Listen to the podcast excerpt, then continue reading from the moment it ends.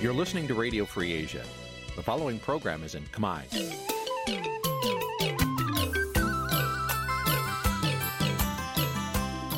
នេះជាកម្មវិធីផ្សាយ Vuthu Azizi Serai នេះជាកម្មវិធីផ្សាយរបស់ Vuthu Azizi Serai ជាភាសាខ្មែរ Vuthu Azizi Serai សូមស្វាគមន៍លោកអ្នកនាងទាំងអស់ពីរដ្ឋធានី Washington នៃសហរដ្ឋអាមេរិក ចាប់ពីរដ្ឋធានី Washington នាងខ្ញុំម៉ៅសុធានីសូមជម្រាបសួរលោកអ្នកស្ដាប់ទាំងអស់ជាទីមេត្រី ចាស់យើងខ្ញុំសូមជូនការផ្សាយសម្រាប់ព្រឹកថ្ងៃប្រហ័ស15កើតថ្ងៃពេញបូរមី ខែមករាឆ្នាំខាលចត្វាស័កពុទ្ធសករាជ2566ហើយដល់ត្រូវនៅថ្ងៃទី8ខែធ្នូគ្រិស្តសករាជ2022ជាដំបូងនេះសូមអញ្ជើញលោកអ្នកនាងកញ្ញាស្ដាប់ព័ត៌មានប្រចាំថ្ងៃដែលមានមេត្តាដូចតទៅ មន្ត្រីសង្គមស៊ីវិលរិះគន់ការផ្ដល់ឋានៈបន្ថែម ដល់កូនប្រុសលោកហ៊ុនសែនថាដើម្បីរក្សាអំណាចត្រកូលហ៊ុនសហភាពអឺរ៉ុបផ្ដល់ប្រាក់ជិត2លានវិសែនដុល្លារអាមេរិកសម្រាប់ការផ្សព្វផ្សាយពីការចូលរួមនយោបាយនិងទទួលបានព័ត៌មានអង្គការលីកាដូស្នើរដ្ឋាភិបាលបិទមណ្ឌលសង្គមគិច្ចប្រៃស្ពឺ ក្រោយពីមានមនុស្សស្លាប់ជាបន្តបន្ទាប់បរដ្ឋមួយចំនួនបារម្ភពីការបណ្ដឹងចេញពីផ្ទះសម្បែងបាត់បង់មុខរបរនៅខេត្តសៀមរាបរួមនឹងព័ត៌មានសំខាន់សំខាន់មួយចំនួនទៀតចាត់ជាបន្តទៅទៀតនេះនាងខ្ញុំម៉ៅសុធានីសូមជូនព័ត៌មានទាំងនោះពឺស្ដាប់ ចាលោកនានីជាទីមេត្រីមន្ត្រីសង្គមស៊ីវិលនិងមន្ត្រីបពប្រឆាំងរិះគន់ថាការដំឡើងឋានៈកូនប្រុសរបស់លោកហ៊ុនសែនគឺលោកហ៊ុនម៉ាណិតនិងមនុស្សចំណិតរបស់លោកហ៊ុនសែនមួយចំនួនទៀតឲ្យមានឋានៈស្មើរដ្ឋមន្ត្រីគឺជាការខ្ជះខ្ជាយលុយជាតិដើម្បីពង្រឹងអំណាចលោកហ៊ុនសែន ទោះយ៉ាងណាមន្ត្រីគណៈបកកណ្ដាលអំណាចឆ្លើយតបថាការតែងតាំងមន្ត្រីណាមួយគឺជាភាពចាំបាច់របស់រដ្ឋាភិបាល និងផ្អែកលើគុណសម្បត្តិរបស់មន្ត្រីទាំងនោះចាប់ពីរដ្ឋធានី Washington លោកសេកបណ្ឌិតរាជការព័ត៌មានលេមន្ត្រីសង្គមស៊ីវិលនិងមន្ត្រីគណៈបកប្រឆាំងរំលឹកទៅរដ្ឋាភិបាលលោកហ៊ុនសែនថាការព្យាយាមតែងតាំងសាច់ញាតិនិងបកពួករបស់ខ្លួនជាបន្តបន្ទាប់ដោយសពថ្ងៃនេះអាចបង្កទៅជាទំនាស់ផលប្រយោជន៍ និងមិនអាចផ្ដល់ផលចំណេញដល់ជាតិឡើយពួកគេថាទង្វើបែបនេះមិនមែនដើម្បីសង្គមមានភាពល្អប្រសើរទេប៉ុន្តែគ្រាន់តែជាការទប់លំនឹងនិងអំណាចរបស់លោកហ៊ុនសែនដើម្បីអាចឈរជើងតទៅមុខទៀតបានប៉ុណ្ណោះប្រធានអង្គការសម្ព័ន្ធភាពការពារសិទ្ធិមនុស្សកម្ពុជាហៅកាត់ថាច្រាក់លោករស់សុថាយល់ថា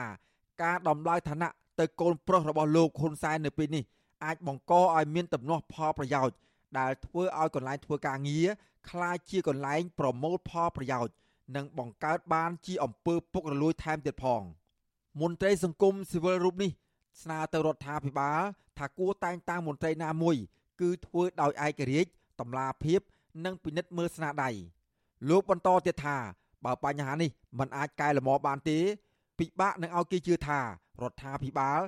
ឬស្ថាប័នពាក់ព័ន្ធដែលពោពេញទៅដោយការតែងតាំងគ្រួសារបកពុនិយមបែបនេះថាជាកន្លែងការងារស្អាតស្អំណាស់ ទី1វាអាចបង្កើតមានអំពើពុករលួយក្នុងស្ថាប័នទី2វាធ្វើឲ្យនាំមិនអាចចាត់វិធានការទៅលើគោលដែលប្រព្រឹត្តខុសអាចថាទី3គឺថាធ្វើឲ្យមនុស្សនឹងយកកន្លែងធ្វើការនេះជាកន្លែងប្រមូលប្រយោជន៍ខ្លួនឯងចឹងបានក៏ជិះវាហ្នឹងព្រោះកុំឲ្យថាយើងកូនធ្វើខុសទៅមានហ៊ានចាត់ការកូនចឹងណាតាមផ្លូវច្បាប់ដោយសារគាត់ជាកូនគាត់ជាមិត្តគាត់ជាភ័ក្របងប្អូនជាអ្នកស្គាល់គ្នាធ្លាប់មានប្រយោជន៍ដល់បាក់ដល់ប្រយោជន៍ដល់អី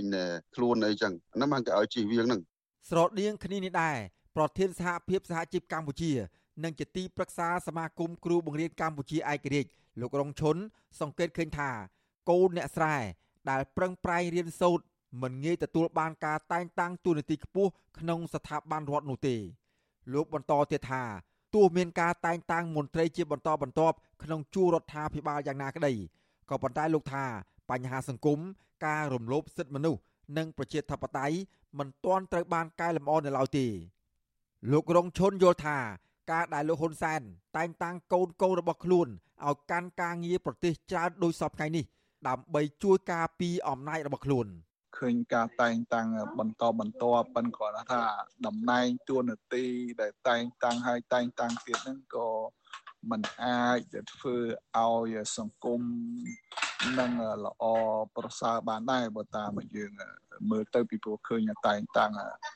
ជារឿយរឿយប៉ុន្តែស្ថានភាពសង្គមហ្នឹងក៏នៅតែមានការរំលោភសិទ្ធិមនុស្សនៅតែក្រីក្រដូចថាវាមិនទាន់ឃើញថាឲ្យវាថាល្អប្រសើរ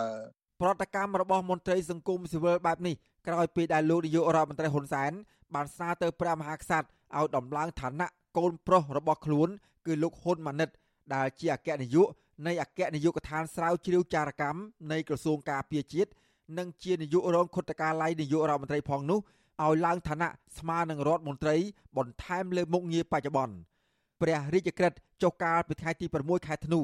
បានដំឡើងឋានៈនាយរងខុទ្ទកាល័យនាយករដ្ឋមន្ត្រី4រូបផ្សេងទៀតក្នុងនោះ រួមមានលោកប៉ាន់ខែមប៊ុនថនជាមេដឹកនាំបាតកម្មហឹង្សានៅមុខវិមានរដ្ឋសភាកាលពីឆ្នាំ2015ដែលកាលនោះក្រមបាតកោបានវាយដំសមាជិកសភាគណៈបកសង្គ្រោះជាតិ2នាក់ឲ្យរងរបួសធ្ងន់លោកប៉ាន់ខែមប៊ុនថនក្រៅពីមានតួនាទី ជានាយរងខុទ្ទកាល័យនាយករដ្ឋមន្ត្រី ដែលមានឋានៈស្មើនឹងរដ្ឋមន្ត្រី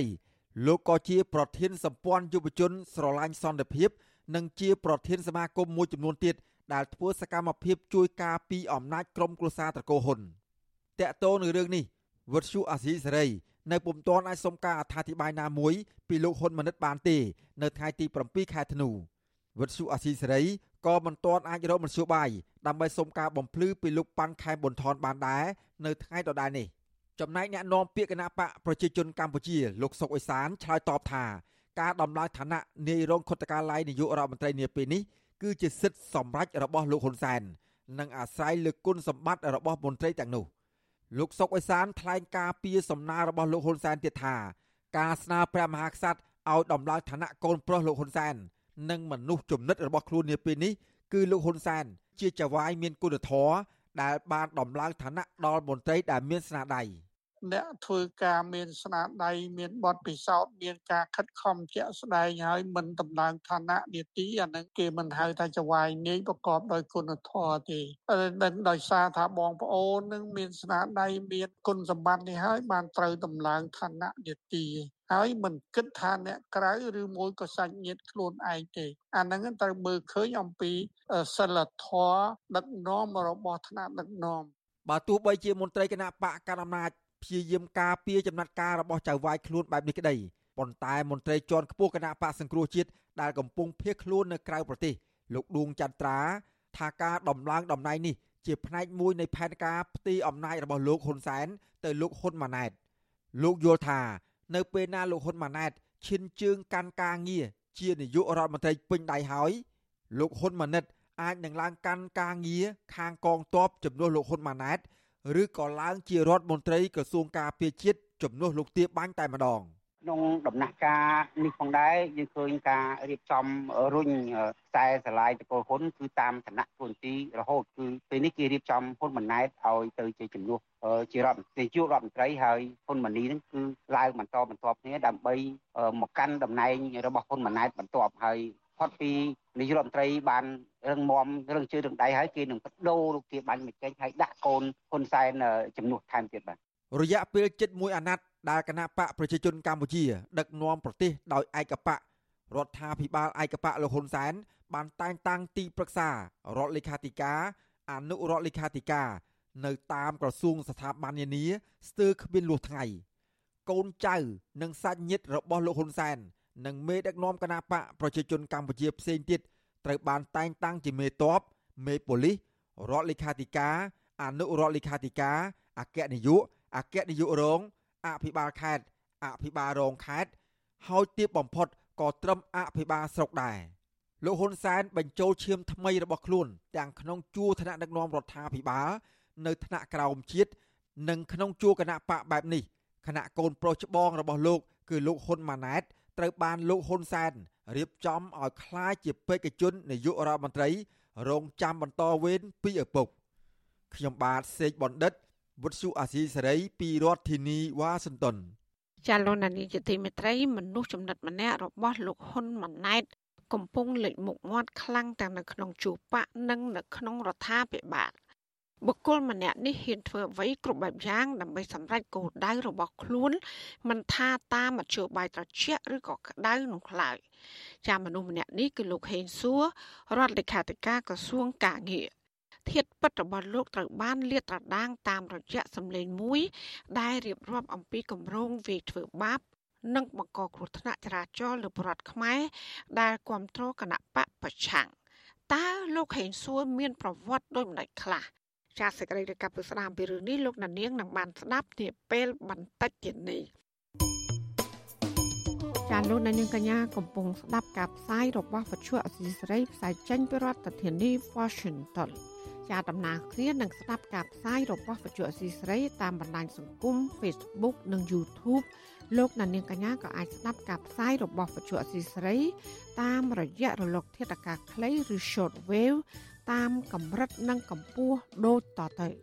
ចាប់ពេលព្រឹកចាប់ពីម៉ោង5កន្លះដល់ម៉ោង6កន្លះតាមរយៈប៉ុស SW 9.39 MHz ស្មើនឹងកម្ពស់ 32m និងប៉ុស SW 11.85 MHz ស្មើនឹងកម្ពស់ 25m ចាសម្រាប់ពេលយប់វិញចាប់ពីម៉ោង7កន្លះដល់ម៉ោង8កន្លះ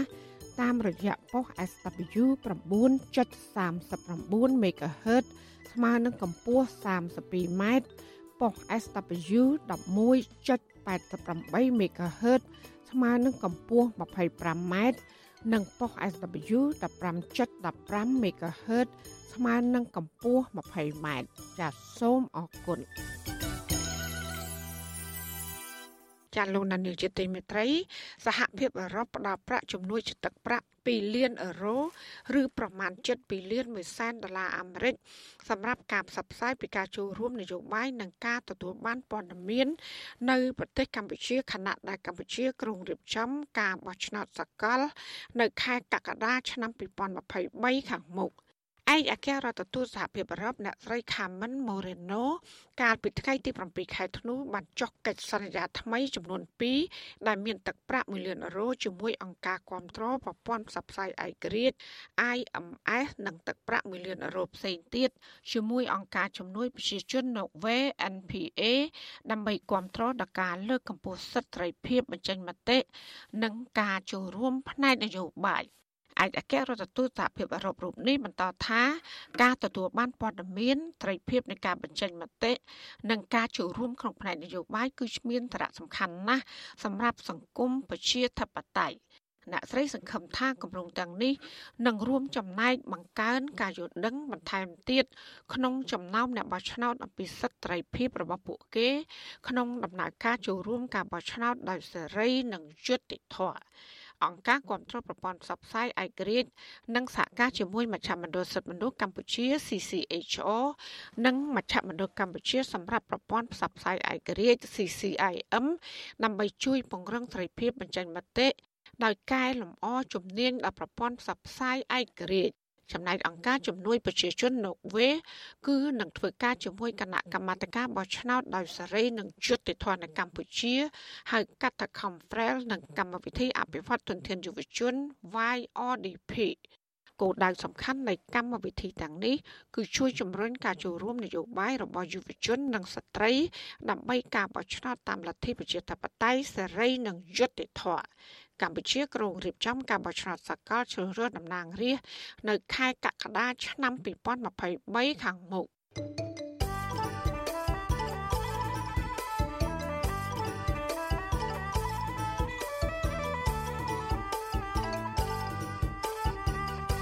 ចាលោកនានីជាទីមេត្រីពាក់ព័ន្ធនឹងអ្នកជាប់ឃុំដែលស្លាប់ជាបន្តបន្ទាប់នៅមជ្ឈមណ្ឌលសង្គមកិច្ចព្រៃស្ពឺអង្គការលីកាដូស្នើដល់រដ្ឋាភិបាលឲ្យបិទមណ្ឌលនេះដែលបានរំលោភសិទ្ធិមនុស្សនិងធ្វើទរណកម្មអ្នកជាប់ឃុំអង្គការលីកាដូបញ្ជាក់ថារដ្ឋត្រូវធានានៅសិទ្ធិរស់រានមានជីវិត របស់ប្រជាពលរដ្ឋទោះបីពួកគេមានមុខរបរអ្វីក៏ដោយចា៎នេះគឺជាសកម្មភាពរបស់លោកជីវតាជំវិញព័ត៌មាននេះ មនុស្ស2នាក់បានស្លាប់បន្ថែមទៀតខណៈកំពុងជាប់ឃុំដោយមិនត្រឹមត្រូវក្នុងមណ្ឌលសង្គមគិច្ចព្រៃស្ពឺគ្រប់គ្រងដោយអាជ្ញាធររដ្ឋដែលស្ថិតនៅសង្កាត់ចោមចៅខណ្ឌពោធិ៍សែនជ័យរាជធានីភ្នំពេញកាលពីខែសីហានេះបើយោងតាមសេចក្តីថ្លែងការណ៍របស់អង្គការសិទ្ធិមនុស្សលីកាដូចេញផ្សាយនៅថ្ងៃទី7ខែធ្នូនេះអង្គការនេះបញ្ជាក់ថាខ្លួនមានភស្តុតាងបង្ហាញថាមនុស្សជាង10នាក់បានស្លាប់ ក្នុងចំណោមអ្នកជាប់ឃុំទាំងអស់នៅចន្លោះពីខែកក្កដានិងខែសីហាកន្លងទៅបន្ទាប់ពីទទួលបានព័ត៌មានអំពីការស្លាប់អង្គការលីកាដូកាលពីខែតុលាបានដាក់លិខិតស្នើសុំការអនុញ្ញាត បញ្ជូនក្រុមគ្រូពេទ្យដើម្បីវាយតម្លៃនិងព្យាបាលអ្នកជាប់ឃុំនៅក្នុងមណ្ឌលប៉ុន្តែលិខិតស្នើសុំដែលបានដាក់ទៅមន្ទីរសង្គមគិច្ចអតីតយុតិជននិងយុវនីតិសម្បទារាជធានីភ្នំពេញនោះពុំបានទទួលការឆ្លើយតបទេ ស្របពេលការរដ្ឋបិទក្នុងការចូលទៅកាន់មណ្ឌលព្រៃស្ពឺនោះនៅតែបន្តកើតមានដដែលនាយិកាទទួលបន្ទុកកិច្ចការក្រៅតំបន់នៃអង្គការលីកាដូអ្នកនាងណាលីពីលោក មានប្រសាសន៍ក្នុងសេចក្តីថ្លែងការណ៍ថាការស្លាប់របស់មនុស្ស2នាក់នេះជាបញ្ហាបន្ថែមលើការរំលោភបំពាន ការធ្វើទារុណកម្មនិងការបាត់បង់ជីវិតដែលមិនគួរកើតមានអស់រយៈពេលជិត2ទសវត្សរ៍មកនេះនៅក្នុងមណ្ឌលព្រៃស្ពឺ មន្ត្រីជាន់ខ្ពស់នៃអង្គការលីកាដូរូបនេះបន្ថែមថា ជារៀងរាល់ថ្ងៃមណ្ឌលព្រៃស្ពឺនៅតែបើកដំណើរការបង្កឲ្យមានការរំលោភបំពានបន្ថែមទៀតនិងហានិភ័យនៃការស្លាប់ជាច្រើនទៀតរាជរដ្ឋាភិបាលគួរតែបិទមណ្ឌលនេះតែម្ដង ហើយបញ្ចប់ភាពរងគ្រោះយ៉ាងអាក្រក់ដែលមិនគួរកើតមាននេះអង្គការលីកាដូបានចងក្រងឯកសារស្ដីពីការរំលោភបំពានក្នុងមណ្ឌលព្រៃស្ពឺតាំងពីមណ្ឌលនេះបើកដំណើរការក្នុងឆ្នាំ2004 និងបានស្នើសុំជាសាធារណៈឲ្យបិទមណ្ឌលនេះវិញ កាលពីឆ្នាំ2008បន្ទាប់ពីរកឃើញថាមានការធ្វើទរណកម្មនិងការរំលោភសិទ្ធិមនុស្សធ្ងន់ធ្ងរអង្គការនេះក៏បានស្នើឲ្យរដ្ឋាភិបាលបិទមណ្ឌលព្រៃស្ពឺនេះជាថ្មីទៀតនៅថ្ងៃទី7ខែធ្នូឆ្នាំ2022នេះដើម្បីបញ្ចប់ស្ថានភាពអាក្រក់ទៅលើមនុស្សជាប់ឃុំនៅទីនោះអ្នកនាំពាក្យរាជរដ្ឋាភិបាលកម្ពុជាលោកផៃស៊ីផាន បដិសេធធ្វើអត្ថាធិប្បាយដោយបង្វែរឲ្យទៅសួរក្រសួងសង្គមគិច្ចវិញដោយលោកបកស្រាយថាលោកមិនបានដឹងច្បាស់អំពីបញ្ហានេះនិងមិនដឹងថាមណ្ឌលព្រៃស្ពឺនេះជាកន្លែងអ្វីនោះឡើយ។តែអត់ទាំងស្គាល់មណ្ឌលដែលពេកស្ពឺនឹងផងតែតែកន្លែងទៅនឹងជិះសួរស្គុំគេអត់ដឹងគួយអត់ដឹងលេងអត់ដឹងសំអត់ជាស្ដាយវិទ្យុអាស៊ីសេរីមិនអាចតាក់ទងแนะនាំពាក្យក្រសួងសង្គមគិច្ចលោកតូចច័ន្ទនី ដើម្បីសូមការបកស្រាយជុំវិញរឿងនេះបានទេ នៅថ្ងៃទី7ធ្នូដោយទូរស័ព្ទចូលគ្មានអ្នកទទួលទោះជាយ៉ាងណា អង្គការលីកាដូបញ្ជាក់ទៀតថាគិតត្រឹមខែសីហាឆ្នាំ2022នេះដែលជាអំឡុងពេលនៃការកើនឡើងនៅអ្នកជាប់ឃុំនៅក្នុងមណ្ឌលឃុំខ្លួនព្រៃស្ពឺនោះមានមនុស្សជាង400នាក់ត្រូវបានឃុំខ្លួនដោយមិនត្រឹមត្រូវដោយគ្មានការយកចិត្តទុកដាក់និងអើពើពីមន្ត្រីមណ្ឌលរហូតដល់មានមនុស្សស្លាប់2នាក់បន្ថែមទៀត សាកសីមួយចំនួនបញ្ជាក់ថា ស្ថានភាពក្នុងមណ្ឌលដូចឋាននរកដោយមានបន្ទប់ឃុំឃាំងចង្អៀតណែនខ្លាំងខ្វះចំណីអាហារហូបចុក មានការប្រើអំពើហិង្សាដល់អ្នកមិនស្ដាប់តាមការណែនាំគណៈការថែទាំសុខភាពរបស់អ្នកជាប់ឃុំ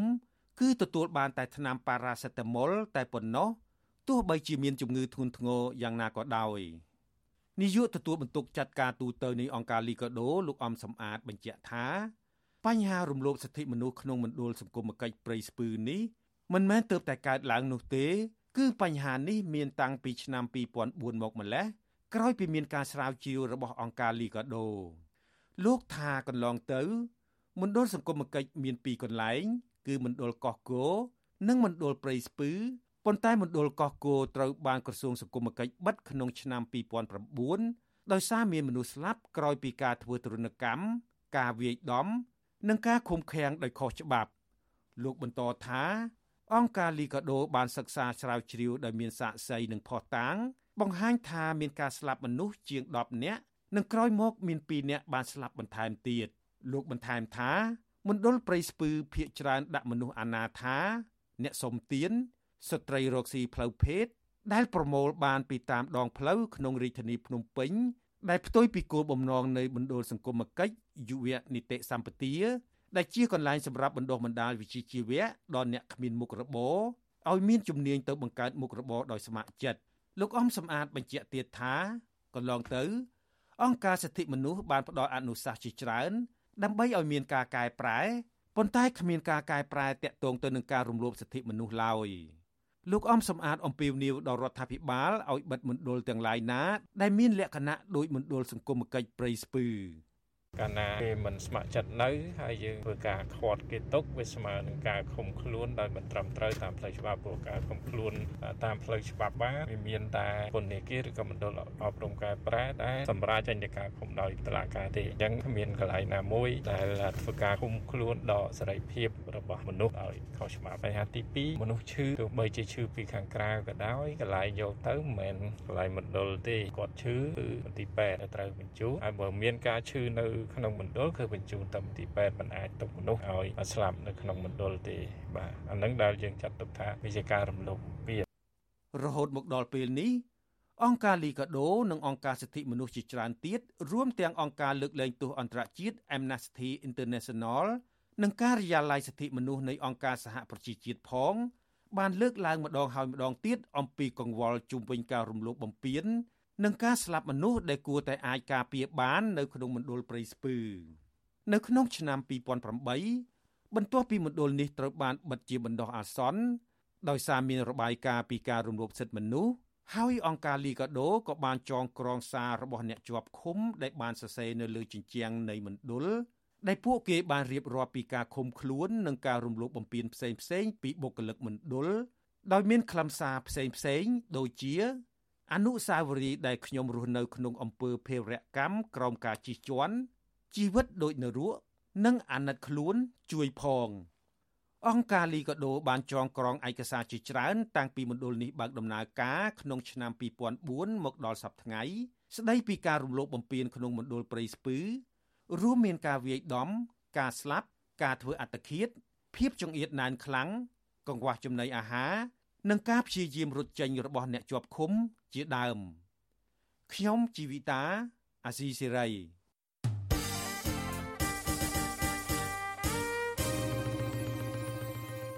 ចាលោកនានីជាទីមេត្រីដោយឡែកតកតងនឹងអក្រិតកម្មគ្រឿងញៀនវិញអ្នកខ្លំមើលរិគុណថារដ្ឋាភិបាលលោកហ៊ុនសែនលើកករណីជនជាតិចិនដែលអាចដឹកជញ្ជូនសារធាតុគីមីផ្សំដើម្បីកែច្នៃគ្រឿងញៀននិងបើករោងចក្រផលិតគ្រឿងញៀននៅកម្ពុជាទ្រង់ទ្រាយធំ អ្នកនាំពាក្យគណៈបកកាន់អំណាចទទួលស្គាល់ថាសមត្ថកិច្ចនៃស្ថាប័នជំនាញនៅមានចន្លោះប្រហោងក្នុងការបង្ក្រាបក្រុមកិត្តិជនជួញដូរគ្រឿងញៀនចាសសូមស្ដាប់សេចក្តីរាយការណ៍របស់លោកសនច័ន្ទរដ្ឋាជំនាញព័ត៌មាននេះអគ្គលេខាធិការសហព័ន្ធនិស្សិតបញ្ញវន្តកម្ពុជាលោកគិនពន្លកសង្កេតឃើញថាបញ្ហាក្រតកម្មគ្រឿងញៀនគឺជារឿងកាន់តែស្មុគស្មាញហើយជាដំណើរសង្គមធ្ងន់ធ្ងរដែលបានបង្កផលប៉ះពាល់ដល់ប្រជាពលរដ្ឋនិងសង្គមកម្ពុជា ជួបបញ្ហាអសន្តិសុខសង្គមជាបន្តបន្ទាប់លោកយល់ថាមូលហេតុរដ្ឋាភិបាលមិនទាន់អាចដោះស្រាយបញ្ហានៃការជួញដូរគ្រឿងញៀននេះដោយសារតែអំពើពុករលួយជាប្រព័ន្ធហើយគ្មានការអនុវត្តច្បាប់ត្រឹមត្រូវ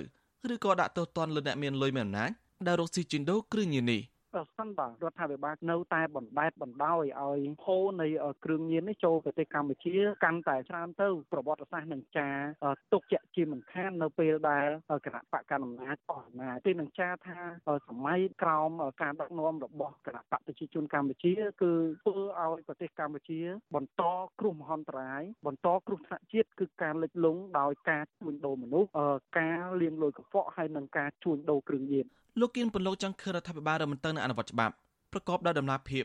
បើទោះបីជាពួកគេជាបុគ្គលមានអំណាចមានឋានន្តរសក្យណាក្តីប្រសិនបើរកឃើញថាពួកគេជាប់ពាក់ព័ន្ធនឹងបញ្ហាគ្រឿងញៀនគឺញាត់ធមមានសមត្ថកិច្ចត្រូវចាត់វិធានការដាក់ទោសទណ្ឌពួកគេឲ្យបានធ្ងន់ធ្ងរតាមផ្លូវច្បាប់ការលើកឡើងរបស់អ្នកខ្លំមើលបែបនេះក្រោយពីអាញាធរបង្ក្រាបជនជាតិចិនដែលបានបើករោងចក្រលើគ្រឿងញៀននៅកម្ពុជាជាបន្តបន្ទាប់ដល់បានរឹបអូសគ្រឿងញៀនម្ដងម្ដងរាប់រយតោនហើយថែមរកឃើញទីតាំងក្រុមក្រិតជនបើករោងចក្រគ្រឿងញៀនដូចជានៅខេត្តផ្សេងនោះ ស្វាយរៀងព្រៃវែងរាជធានីភ្នំពេញនិងខេត្តកំពង់ស្ពឺជាដើមកាលពីថ្ងៃទី26មិថុនាអាជ្ញាធរប្រយុទ្ធប្រឆាំងគ្រឿងញៀនបានដុតបំផ្លាញសារធាតុញៀននិងសារធាតុគីមីសរុបជាង6តោនក្នុងចំណោមវត្ថុតាំងគ្រឿងញៀនសារធាតុគីមីផ្សំនិងសារធាតុគីមីពាក់ព័ន្ធផ្សេងៗដែលរឹបអូសបានមានទម្ងន់សរុបជិត100តោនអញ្ញាធរដឹងទៀតថាក្នុងឆ្នាំ2020និងឆ្នាំ2021ដែលមានការរីករាលដាល COVID-19 ស្មារតីបង្ក្រាបនិងរឹបអូសគ្រឿងញៀនបានជិត10តោន ហើយខាត់ខ្លួនជនសង្ស័យបានជាង30000នាក់ក្នុងនោះសមាជិកបង្ក្រាបបលល្មើសគ្រឿងញៀនបានចំនួនជាង10000ករណីក្នុងឆ្នាំ2020ហើយជាង6000ករណីទៀតក្នុងឆ្នាំ2021ឆ្លើយតបនឹងរឿងនេះអ្នកនាំពាក្យគណៈបកប្រជាជនកម្ពុជាលោកសុកអេសានទទួលស្គាល់ថាសមាជិកនៃក្រសួងស្ថាប័នផ្នែកវិទ្យាឆាំងគ្រឿងញៀននៅខ្វះចន្លោះប្រហោងក្នុងការបង្ក្រាបក្រិតជននិងក្រុមឈ្មួញទុច្ចរិតមួយចំនួនដែលបន្លំសារធាតុគីមីចូលមកកម្ពុជាដើម្បីធ្វើជាគ្រឿងញៀន អក្រិតកម្មគ្រឿងញៀននេះរាជរដ្ឋាភិបាលមិនចង់ឃើញមិនចង់បានមិនចង់ពាក់ព័ន្ធអីទេណាពីព្រោះយើងមានច្បាប់វិន័យតនរិនដើម្បីទប់ស្កាត់កុំឲ្យមានករណីអក្រិតកម្មគ្រឿងញៀនហ្នឹងយើងបានហើយតែចោលកាលណាយើងប្រឡោះម្ចាស់ប្រឡោះឬខ្វះខាតដោយប្រការណាមួយចោលតែងតែកើតមានហើយឃ្លាតឱកាសឆក់ឱកាសដើម្បីបង្កើតបញ្ហាធ្វើជីសម្រាប់ស្រោចដំណាំទន្ទឹមនឹងធ្វើជាជីសម្រាប់កសិកម្មហ្នឹងក៏វាកែច្នៃគ្រឿងញៀនមួយចំនួនដែរប្រឡោះប៉ុណ្ណឹងដែលអញ្ញាធមមានសមត្ថកិច្ចលោកមិនបានចាប់អារម្មណ៍តើតងបញ្ហាគ្រឿងញៀននេះដែរថ្មីថ្មីនេះក៏មានឈ្មោះប្រើប្រាស់រយន្តស្លាកលេខខេមរៈភូមិន្ទដឹកជញ្ជូនគ្រឿងញៀនជាង200គីឡូក្រាមហើយឈ្មោះនោះបានរកគេខ្លួនភ្លាមភ្លាមក្រោយបាក់ឡើងក្រឡាប់នៅរាជធានីភ្នំពេញមកទល់ពេលនេះសមាជិកក្រុងភ្នំពេញមិនតំឲ្យរបាយការណ៍ស៊ើបអង្កេតចុងក្រោយតើតើតើនឹងការចាប់ខ្លួនឈ្មោះនោះនៅឡើយទេវិទ្យុអេស៊ីសរ៉ៃ មិនទាន់អាចតតងអគ្គស្នងការរងនគរបាលជាតិទទួលបន្ទុកប្រឆាំងបលល្មើសគ្រឿងញៀនលោកមកជីតូដើម្បីសាកសួររឿងនេះបាននៅឡើយទេនៅថ្ងៃទី7ខែធ្នូជុំវិញរឿងនេះប្រធានមជ្ឈមណ្ឌលប្រជាប្រដ្ឋដើម្បីអភិវឌ្ឍនិងសន្តិភាពលោកយងគឹមអេងមានប្រសាសន៍ថាបញ្ហាគ្រឿងញៀននៅកម្ពុជាហាក់រីករាលដាលឆាប់រហ័សតាំងពីទីក្រុងរហូតដល់ជនបទដែលជារឿងគួរព្រួយបារម្ភសម្រាប់យុវជនខ្មែរចំនួនក្រោយលោករីគុណថាប្រសិនបរដ្ឋាភិបាលនៅតែគ្មានយន្តការគ្រប់គ្រងជនជាតិចិនដែលតែងចាត់ទុកកម្ពុជាជាទីតាំងផលិតគ្រឿងញៀននោះ លំហូរគ្រឿងញៀននៅកម្ពុជាកាន់តែកើនឡើងបន្ថែមទៀតហើយធ្វើប៉ះពាល់ដល់សង្គមជាតិធ្ងន់ធ្ងរ ភាពអវិជ្ជមានដែលពាក់ព័ន្ធជាមួយរឿងគ្រឿងញៀនផលិតគ្រឿងញៀនរឿងអីហ្នឹងវាឃើញជាហូហែដែលតានេះដែលយើងធ្វើឲ្យមានការមន្ទិលសង្ស័យទៅលើក្រុមហ៊ុនចិនថាមិនសូវជាមករកស៊ីត្រឹមត្រូវនៅក្នុងប្រទេសកម្ពុជាណាបាទអឺទាំងអស់នេះហើយបើសិនជាពួកគាត់មករកស៊ីមិនត្រឹមត្រូវយើងខ្វះវិធានការច្បាស់លាស់ជាក់លាក់ដើម្បីចាត់ទៅលើពួកគាត់ហ្នឹងធ្វើឲ្យយើងខាត់បងវាមិនបានជួយលើកកម្ពស់បញ្ហាសេដ្ឋកិច្ចតែផ្ទុយទៅវិញវាអាចនឹងធ្វើឲ្យរដ្ឋនឹងចំណាយកាន់តែច្រើនសម្រាប់ដោះស្រាយបញ្ហាជនជាតិចិននេះបាទកន្លងទៅរដ្ឋមន្ត្រីក្រសួងមហាផ្ទៃរសខេង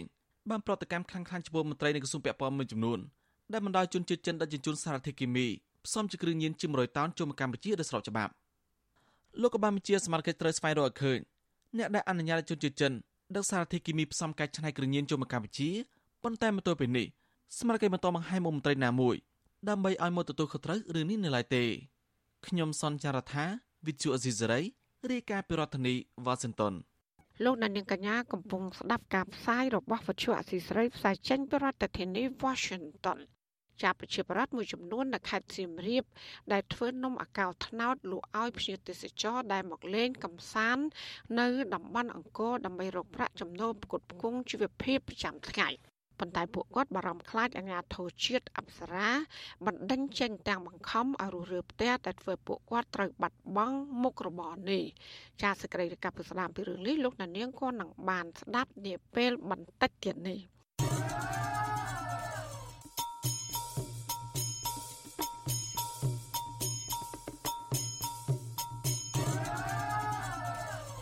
ចាលោកនានីជាទីមេត្រីថ្ងៃទី2នៃយុទ្ធនាការជិះកង់ប្រវែងជាង300គីឡូម៉ែត្រពីខេត្តសៀមរាបទៅកាន់រាជធានីភ្នំពេញ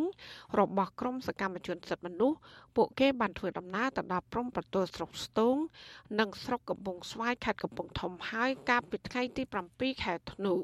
យុទ្ធនាការថ្ងៃដដែលនេះក្រមយុវជនចង់ផ្ញើសារទៅកាន់រដ្ឋាភិបាលឲ្យចាប់អារម្មណ៍ជួយជ្រោមជ្រែងយុទ្ធធម៌សង្គមឡើងវិញ។ អ្នកស្រីសុជីវីរាយការណ៍ព័ត៌មាននេះក្រមយុវជននិងសកម្មជនសិទ្ធិមនុស្ស30នាក់បន្តជិះកង់នៅក្នុងចម្ងាយជាង90គីឡូម៉ែត្រនៅថ្ងៃទី7ខែធ្នូដោយចាប់ផ្ដើមចេញពីផ្សារកំពង់ក្តីនៅក្នុងស្រុកជីក្រែងខេត្តសៀមរាបបោះពួយទៅគៀកទីរួមខេត្តកំពង់ធំ ដើម្បីអបអរទិវាសិទ្ធិមនុស្សអន្តរជាតិថ្ងៃទី10ធ្នូខាងមុខនេះពួកគេសង្កេតឃើញថាបច្ចុប្បន្នស្ថានភាពសិទ្ធិមនុស្សនៅកម្ពុជាកាន់តែធ្ងន់ធ្ងរទៅពុំធូរស្បើយឡើយ ដោយសារមានក្រុមអង្គញានិងអ្នកមានអំណាចខ្លះបន្តប្រើឥទ្ធិពលរំលោភយកដីធ្លីដោយខុសច្បាប់បំផ្លាញព្រៃឈើធនធានធម្មជាតិនិងកាប់ទន្ទ្រានព្រៃឈើស្ទើរគ្រប់តំបន់ជាប់ដែនអភិរក្សរីឯពលរដ្ឋក្រីក្រ តែងតែរងគ្រោះដដែលដដែលដោយសារបាត់បង់ដីធ្លីធនធានធម្មជាតិនិងព្រៃឈើបន្តកើនឡើងគ្មានយន្តការលុបបំបាត់នៅឡើយទេយុវតីចូលរួមយុទ្ធនាការកញ្ញាឡុងសុកលៀនសង្កេតឃើញថាពលរដ្ឋនៅតែភ័យខ្លាច ក្នុងការសម្ដែងមតិសម្បីតែការចែករំលែកពីភាពអយុត្តិធម៌នៅក្នុងសង្គមតាមរយៈបណ្ដាញសង្គម Facebook ក៏ពួកគាត់ខ្លាចរអាដែរព្រោះខ្លាចអាញាធរធ្វើបាបកញ្ញាបញ្ជាក់ថាពលរដ្ឋភៀកច្រើនសុកចិត្តស្ងៀមស្ងាត់មិនហ៊ាននិយាយរិះគន់បើទោះបីជាមានរឿងអយុត្តិធម៌នៅក្នុងសង្គមកើតឡើងចំពោះមុខក្តីតាមរយៈព្រឹត្តិការណ៍នេះកញ្ញាសង្ឃឹមថាពលរដ្ឋនឹងដឹងច្បាស់ពីការប្រើប្រាស់សិទ្ធិរបស់ខ្លួន ដែលធានាដោយរដ្ឋធម្មនុញ្ញនិងច្បាប់អន្តរជាតិ។ចង់ឲ្យប្រជាពលរដ្ឋគាត់ដឹងថាយើងមានសិទ្ធិកុំខ្លាចនៅក្នុងការបញ្ចេញមតិឬក៏ធ្វើសកម្មភាពអីដែលត្រឹមត្រូវបើយើងនៅតែអត់ធ្វើសកម្មភាពអីទេយើងនឹងភ្លេចថាយើងមានសិទ្ធិអីខ្លះនៅក្នុងសង្គមនេះអត់មានការភ័យខ្លាចអីទេបងព្រោះអីវាជារឿងត្រឹមត្រូវនៅក្នុងការធ្វើយុទ្ធនាការនេះក្រមយុវជនឲ្យដឹងថាអំឡុងពេលធ្វើយុទ្ធនាការនេះមានយុវតីម្នាក់មានបញ្ហាសុខភាពដោយអស់កម្លាំងឈឺរាងកាយ ហើយត្រូវសម្រាកនៅមន្ទីរពេទ្យរយៈពេលខ្លីតែពេលនេះបានធូរស្រាលហើយ។យុទ្ធនាការជិះកង់ទាំងនេះក្រមយុវជនសិទ្ធិមនុស្សព្យាយាមតស៊ូជិះកង់រយៈពេល5ថ្ងៃជាប់ជាប់គ្នាដើម្បីទាមទារយុត្តិធម៌សង្គមក្រោមអាកាសធាតុក្តៅនិងជិះបញ្ច្រាស់ខ្យល់ចាប់ពីចំណុចប្រាសាទអង្គរវត្តខេត្តសៀមរាបឆ្ពោះមកកាន់ទីក្រុងភ្នំពេញពួកគាត់ជិះកង់ពាក់ឯកសន្តានអាវយឺតពណ៌ផ្ទៃមេឃនិងពណ៌សភ្ជាប់នឹងពាក្យស្លោកថា ការគោរពសិទ្ធិមនុស្ស នាំមកនូវយុត្តិធម៌សង្គមឆ្លើយតបនឹងការលើកឡើងនេះអ្នកនាំពាក្យគណៈកម្មាធិការសិទ្ធិមនុស្សរបស់រដ្ឋាភិបាលលោកកតាអូនប្រាប់វិទ្យុអាស៊ីសេរីថានៅកម្ពុជាពុំមានការរដ្ឋបិទនិងគម្រាមកំហែងសិទ្ធិពលរដ្ឋនិងមន្ត្រីសង្គមស៊ីវិលដែលធ្វើសកម្មភាពត្រឹមត្រូវស្របតាមច្បាប់នោះឡើយបន្ថែមពីនេះលោកថាអញ្ញាធមមានសមត្ថកិច្ចអនុវត្តច្បាប់តែចំពោះបុគ្គលមួយចំនួនតូចបានប្រព្រឹត្តល្មើសច្បាប់តែប៉ុណ្ណោះ តែបែរជាមកចោទថាសមត្ថកិច្ចរំលោភសិទ្ធិមនុស្សលោកបញ្ជាក់ថាអ្នកនយោបាយពលរដ្ឋនិងមន្ត្រីសង្គមស៊ីវិលពុំអាចប្រើប្រាស់សិទ្ធិសេរីភាពរបស់ខ្លួន តាមអំពើចិត្តនោះទេ គឺត្រូវគោរពច្បាប់រដ្ឋនិងកិត្តិយសអ្នកដទៃ។ អ្វីដែលគាត់ធ្វើនៅពេលដែលគាត់បានប្រព្រឹត្តខុសច្បាប់សមត្ថកិច្ចមានវិធានការចំពោះគាត់ទាំងសមត្ថកិច្ចនៅក្បាលយុត្តិធម៌ទាំងតុលាការពួកគាត់បែរជាចោទសមត្ថកិច្ចទាំងនោះថារំលោភសិទ្ធិនោះនេះជាការខុសឆ្គងទាំងស្រុងការយល់ខុសទាំងទាំងស្រុងពីព្រោះបងប្អូនប្រជាពលរដ្ឋក្តីអង្គការសមាគមនានាក្តីអ្នកនយោបាយនានាក្តីគឺយើងប្រើប្រាស់សេរីភាពជាមូលដ្ឋានរបស់ខ្លួនមិនមែនមានថាយើងធ្វើអ្វីតាមអំពើចិត្តនោះទេ ការប្រើប្រាស់សេរីភាពនេះនៅក្នុងបរិបទនៃការគោរពច្បាប់រដ្ឋនៅក្នុងបរិបទនៃការគោរពកិត្តិយសនៃផ្នែកក្នុងអតីតឆ្លើយតបនឹងបញ្ហានេះដែរប្រធានបណ្ដាញជនជាតិដើមភាគតិចភ្នងខេត្តមណ្ឌលគិរីអ្នកស្រីផ្លឹកភិរមមើលឃើញថាព្រៃឈើភ្នំបឹងរ៉ែដីធ្លីអូនិងធនធានធម្មជាតិនៅក្នុងខេត្តមណ្ឌលគិរីកំពុងស្ថិតនៅក្នុងភាពគ្រោះថ្នាក់ដោយសារក្រុមអ្នកមានអំណាចខុបខិតជាមួយអាជ្ញាធរ រំលោភបំពានយកជាបន្តបន្ទាប់គ្មានការអនុវត្តច្បាប់ច្បាស់លាស់លោកស្រីថាការគោរពសិទ្ធិមនុស្សមានស្តង់ដារ2រវាងពលរដ្ឋនិងអ្នកមានអំណាចដោយអ្នកមានអំណាចឬអង្គការប្រព្រឹត្តល្មើសច្បាប់ឈូសឆាយដីព្រៃរាប់រយហិកតាគ្មានទោសពីផ្ទុយពីពលរដ្ឋសាមញ្ញ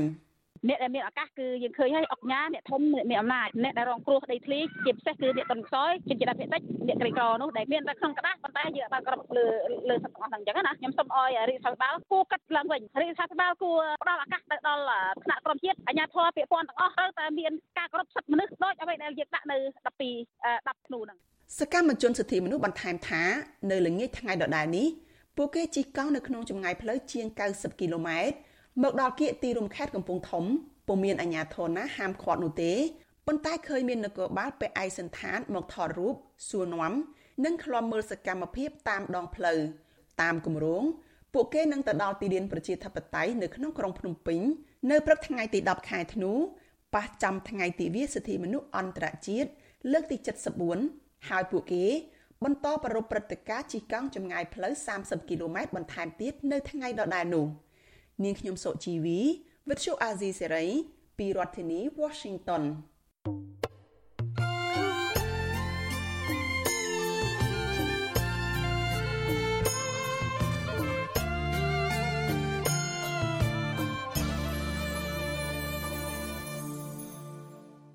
ចាលោកណានៀងជាទីមេត្រីមនុស្សចំណិតម្នាក់របស់លោកហ៊ុនម៉ាណែត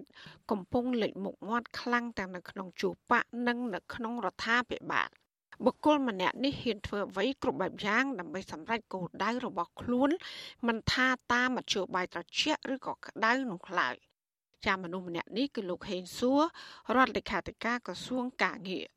ធាតុពិតរបស់លោកត្រូវបានលាតត្រដាងតាមរយៈសម្លេងមួយ ដែលរៀបរាប់អំពីគម្រោងវាយធ្វើបាប និងបង្កគ្រោះថ្នាក់ចរាចរណ៍លើប្រជារដ្ឋខ្មែរដែលគ្រប់គ្រងគណៈបកប្រឆាំង តើលោកហេងសួរមានប្រវត្តិដូចម្ដេចខ្លះចាលោកយ៉ងចន្ទរាសូមជូនសេចក្តីរាយការណ៍នេះពឹស្ដាដូចតទៅលោកហេងសួរគឺជាមន្ត្រីលេចធ្លោមួយរូបទាំងនៅក្នុងជួររដ្ឋាភិបាលនិងគណៈបកប្រជាជនកម្ពុជារបស់លោកហ៊ុនសែន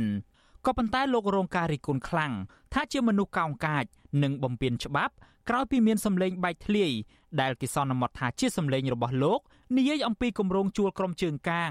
ដើម្បីវាយធ្វើបាបក្រុមពលករខ្មែរនៅក្រៅប្រទេសដែលគ្រប់គ្រងគណៈបកប្រឆាំងលោកហេងសួរកើតនៅឆ្នាំ1974ដែលគិតមកដល់ពេលនេះលោកមានអាយុ48ឆ្នាំហើយលោកកើតនៅរាជធានីភ្នំពេញនិងមានបងប្អូនបង្កើតចំនួន5នាក់ហើយលោកគឺជាកូនច្បងលោកមានកូនចំនួន3នាក់ស្រីម្នាក់និងប្រុស2នាក់កាលពីនៅវ័យកុមារលោកហេងសួរបានរៀននៅសាលាបឋមសិក្សាទួលថ្ម នៅក្នុងខេត្តកំពង់ចាម ចន្លោះពីឆ្នាំ1981ដល់ឆ្នាំ1987ហើយក្រោយមកលោកបានផ្លាស់មករៀននៅទីក្រុងភ្នំពេញវិញលោកបានបញ្ចប់ការសិក្សាថ្នាក់បរិញ្ញាបត្រនៅសាកលវិទ្យាល័យជាតិគ្រប់គ្រងនៅក្នុងឆ្នាំ1998លោកហេងសួរបានបញ្ចប់ការសិក្សាថ្នាក់អនុបណ្ឌិតពីប្រទេសជប៉ុន និងធ្លាប់ជាប្រធានសមាគមអតីតនិស្សិតខ្មែរពីប្រទេសជប៉ុនចន្លោះពីឆ្នាំ2008ដល់ឆ្នាំ2014 លោកហេងសួរបានឡើងរាសីជាបន្តបន្ទាប់នៅក្នុងក្រសួងកាងារពីដំបូងលោកគឺជាអគ្គនាយករដ្ឋបាលនិងហិរញ្ញវត្ថុក្រោយមកក្លាយជាអនុរដ្ឋលេខាធិការនិងចុងក្រោយនេះគឺជារដ្ឋលេខាធិការក្រសួងកាងារក្រៅពីនេះលោកជានាយកខុទ្ទកាល័យរដ្ឋមន្ត្រី និងជាអ្នកនាំពាក្យក្រសួងកាងារព្រមទាំងជាសមាជិកដ៏មានឥទ្ធិពលនៃក្រុមប្រឹក្សាជាតិប្រាក់ឈ្នួលអបបរមា លោកហេងសួរគឺជាមន្ត្រីសំខាន់មួយរូបដែលតែងតែតំណាងឲ្យរដ្ឋមន្ត្រីក្រសួងកាងារលោកអ៊ិតសំហេងនៅក្នុងដំណើរការចរចាប្រាក់ឈ្នួលគោលសម្រាប់វិស័យកាត់ដេរជារៀងរាល់ឆ្នាំក៏ប៉ុន្តែមន្ត្រីជាន់ខ្ពស់ក្រសួងកាងាររូបនេះច្រើនតែមានជំហរផ្អៀងទៅរកថៅកែថ្នាក់ដឹកនាំសហជីពឯករាជ្យដែលធ្លាប់ចូលតុចរចាជាមួយលោកហេងសួររាល់លើកនោះបានពណ៌នាថាលោកជាមនុស្សពូកែឆ្លាត និងមានសមត្ថភាព ក៏ប៉ុន្តែលោកហ៊ានធ្វើអ្វីគ្រប់បែបយ៉ាងដើម្បីតែសម្រេចគោលដៅរបស់ខ្លួនប្រធានសហព័ន្ធសហជីពកម្ពុជា អ្នកស្រីយ៉ាងសុភ័ណ្ឌក៏សម្គាល់ថាលោកហេងសួរគឺជាមនុស្សដែលមានអំណាចធំលំដាប់ទី2នៅក្នុងក្រសួងកាងារបន្ទាប់ពីរដ្ឋមន្ត្រីលោកអ៊ិតសំហេងអ្នកស្រីលើកឡើងថាលោកហេងសួរគឺជាមនុស្សមានចំណេះដឹងជ្រៅជ្រះហើយពូកែនិយាយបញ្ចុះបញ្ចូលនិងបត់បែនម្យ៉ាងវិញទៀតលោកគឺជាមនុស្សធ្វើការតាមអារម្មណ៍ដោយពេលខ្លះ ប្រើភាសាក្រូតក្រៀតនិងបែបសម្លុតគំរាមលើសហជីពឯករាជ្យដែលធ្វើការដើម្បីប្រយោជន៍កម្មករទៀតផងទីមួយខ្ញុំអត់ទុកចិត្តគាត់ទេព្រោះគាត់បត់បែនលឿនណាហើយបន្ទាប់មកការងារអីក៏គាត់ចេះធ្វើដែរអញ្ចឹងណាជួនកាលគាត់និយាយមួយយើងអញ្ចឹងទៅមើលទៅហាក់ដូចស្ដាប់គាត់ដំបងដូចយើងស្លងហ្មងប៉ុន្តែនៅពេលវិភាគមើលយូរយូរទៅគាត់បត់បែនលឿនណាអញ្ចឹងណាខ្ញុំចរចាមួយគាត់ច្រើនឆ្នាំខ្ញុំអាចសន្និដ្ឋានបានថា នៅគាត់គាត់ធ្វើការងារឲ្យរដ្ឋាភិបាលសតទៅអ្វីដែលរដ្ឋាភិបាលឲ្យគាត់ធ្វើគាត់អាចធ្វើបានទាំងអស់ក៏អត់ខ្វល់រឿងចំពោះមកគាត់រឿងប្រយោជន៍របស់កម្មករប្រយោជន៍រួមប្រយោជន៍អីក៏អត់ខ្វល់ទេអញ្ចឹងណាក្នុងនាមជាមន្ត្រីជាន់ខ្ពស់ក្រសួងកាងារជាញឹកញាប់លោកហេងសួរមិនខ្លាចនៅក្នុងការបង្ហាញជំហរលំអៀងទៅរកក្រុមនាយទុនឡើយក្នុងនោះមានករណីវិវាទនៅក្រុមហ៊ុនបនលបែងកាស៊ីណូ Naga World ជាឧទាហរណ៍ស្រាប់ ក្នុងពេលកោតក្រ Naga World ដែលមួយចំនួនជាស្ត្រីមានផ្ទៃពោះនាំគ្នាចេញតវ៉ារោគដំណោះស្រាយកាលពីខែធ្នូឆ្នាំ2021លោកហេងសួរបានបង្ហោះសារបែបបញ្ឆិតបញ្ឈៀងថានេះគឺជាតាក់ទិចរបស់អ្នករៀបចំបដិវត្តពណ៌លោកចោទថាអ្នករៀបចំតែងតែបន់ស្រន់ឲ្យមានគ្រោះថ្នាក់លើស្ត្រីទាំងនោះដើម្បីបញ្ឆេះកំហឹងមហាជន ក៏ប៉ុន្តែតាក់ទិចនេះតែងតែត្រូវបានអាជ្ញាធរចាត់ការទៅលើមេខ្លោងនិងជនដៃដល់ដែលអនុវត្តផែនការនេះបានទាន់ពេលវេលាថ្មីបើលោកហេងសួរមិននិយាយចំឈ្មោះទៅលើក្រុមកោតក្រ Nagawal ក៏ដោយក៏ប៉ុន្តែសារនេះលោកបង្ហោះក្រោយពេលកោតក្រ Nagawal ជាង1000នាក់នាំគ្នាចេញតវ៉ាដោយសន្តិវិធីនៅខាងមុខក្រុមហ៊ុនជាលទ្ធផលអាជ្ញាធរនឹងក្រុមសន្តិសុខសាលារាជធានីភ្នំពេញបានប្រើអំពើហិង្សា ចាប់ទាញនិងចាប់បង្ខំឲ្យកោតក្រឡើងលើរថយន្តក្រុងដឹកចេញពីមុខក្រុមហ៊ុនជាហូហែរហូតដល់កោតក្រម្នាក់រលូតកូននៅក្នុងផ្ទៃជាមួយគ្នានេះតុលាការបានចោទប្រកាន់កោតក្រជាច្រើនអ្នកក្រោមបទចោទមិនសមហេតុផល ហើយមេសហជីពកញ្ញាឈឹមស៊ីធត្រូវបានអាជ្ញាធរចាប់ដាក់ពន្ធនាគារជាលើកទី2ងាកទៅដំណោះស្រាយវិញ ក្រុមកោតក្រឲ្យដឹងថាក្រសួងការងារដែលមានតួនាទីជាអាជ្ញាកណ្ដាលនោះ បែរជាឈរនៅខាងក្រុមហ៊ុន ហើយបង្ខំឲ្យពួកគាត់ទទួលយកសំណងដែលមិនសមស្របទៅតាមច្បាប់ការងារអនុប្រធានសហជីពត្រួតត្រងសិទ្ធិការងារបុគ្គលិកកម្មករខ្មែរនៃក្រុមហ៊ុន Casino Naga World កញ្ញាឈឹមសុខនជឿជាក់ថា សាររបស់លោកហេងសួននេះប្រៀបបានទៅនឹងការបាក់ដៃឲ្យទៅក្រុមអាជ្ញាធរដើម្បីបង្ក្រាបទៅលើក្រុមកោតក្រហើយបង្ហាញថាក្រសួងការងារលំអៀងទៅរកក្រុមហ៊ុនបាត់ទៅហើយ។ អត្តចរិតរបស់គាត់មិនមែនជាអ្នកសម្របសម្រួលទេគឺគាត់គាត់គម្រាមកំហែងនិយាយជាក់ស្ដែងបើគាត់លើកយកស្ត្រីមានផ្ទៃពោះអីស្ត្រីមានផ្ទៃពោះហ្នឹងគាត់ក៏ជាបុគ្គលិកដែរគាត់ក៏ត្រូវការទៀមទាសិទ្ធគាត់ក៏ត្រូវការទៀមទាភាពយុត្តិធម៌ដែរព្រោះគាត់ធ្វើការនៅកន្លែងហ្នឹងអញ្ចឹងមិនមែនថាយកហេតុផលហ្នឹងមកចោទថាពួកខ្ញុំធ្វើបដិវត្តពណ៌អីបើនិយាយពីរឿងនីតិវិធីកោតកម្មវិញធ្វើឡើង8ខែមុំឈានដល់កោតកម្មរឿងអីបានទៅជាកោតកម្មហ្នឹងកោតកម្មខុសច្បាប់កេរ្តិ៍ឈ្មោះរបស់លោកហេងសួរ បានល្បីរន្ទឺពេញមួយស្រុកខ្មែរនិងហៀទៅដល់សហគមន៍ខ្មែរនៅក្រៅប្រទេសថែមទៀតនៅពេលសារសម្លេងរយៈពេលជាង1នាទី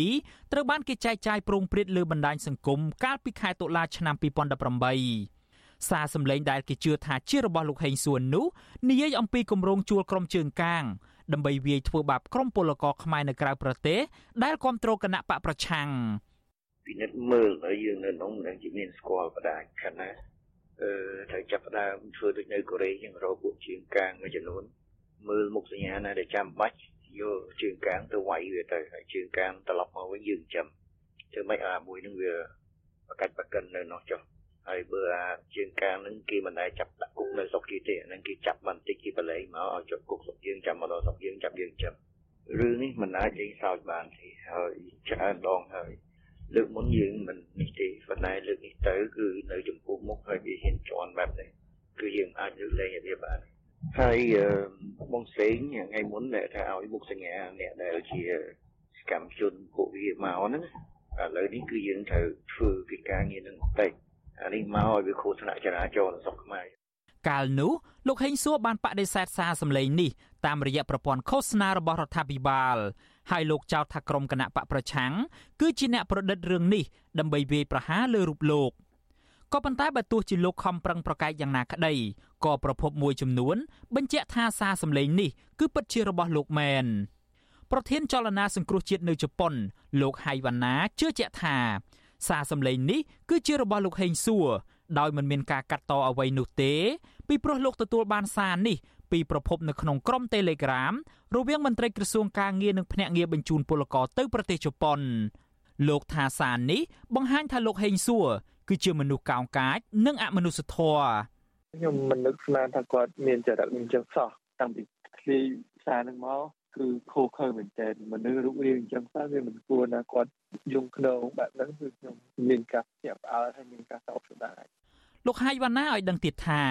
ការងារស្នូលសំខាន់មួយទៀតរបស់លោកហេងសួរគឺការគ្រប់គ្រងភ្នាក់ងារឬពួកមេខ្យល់បញ្ជូនពលករទៅក្រៅប្រទេសលោកចោទថាតាមរយៈការងារនេះលោកហេងសួរទទួលបានប្រយោជន៍ជាលុយកាក់ពីភ្នាក់ងារបញ្ជូនពលករ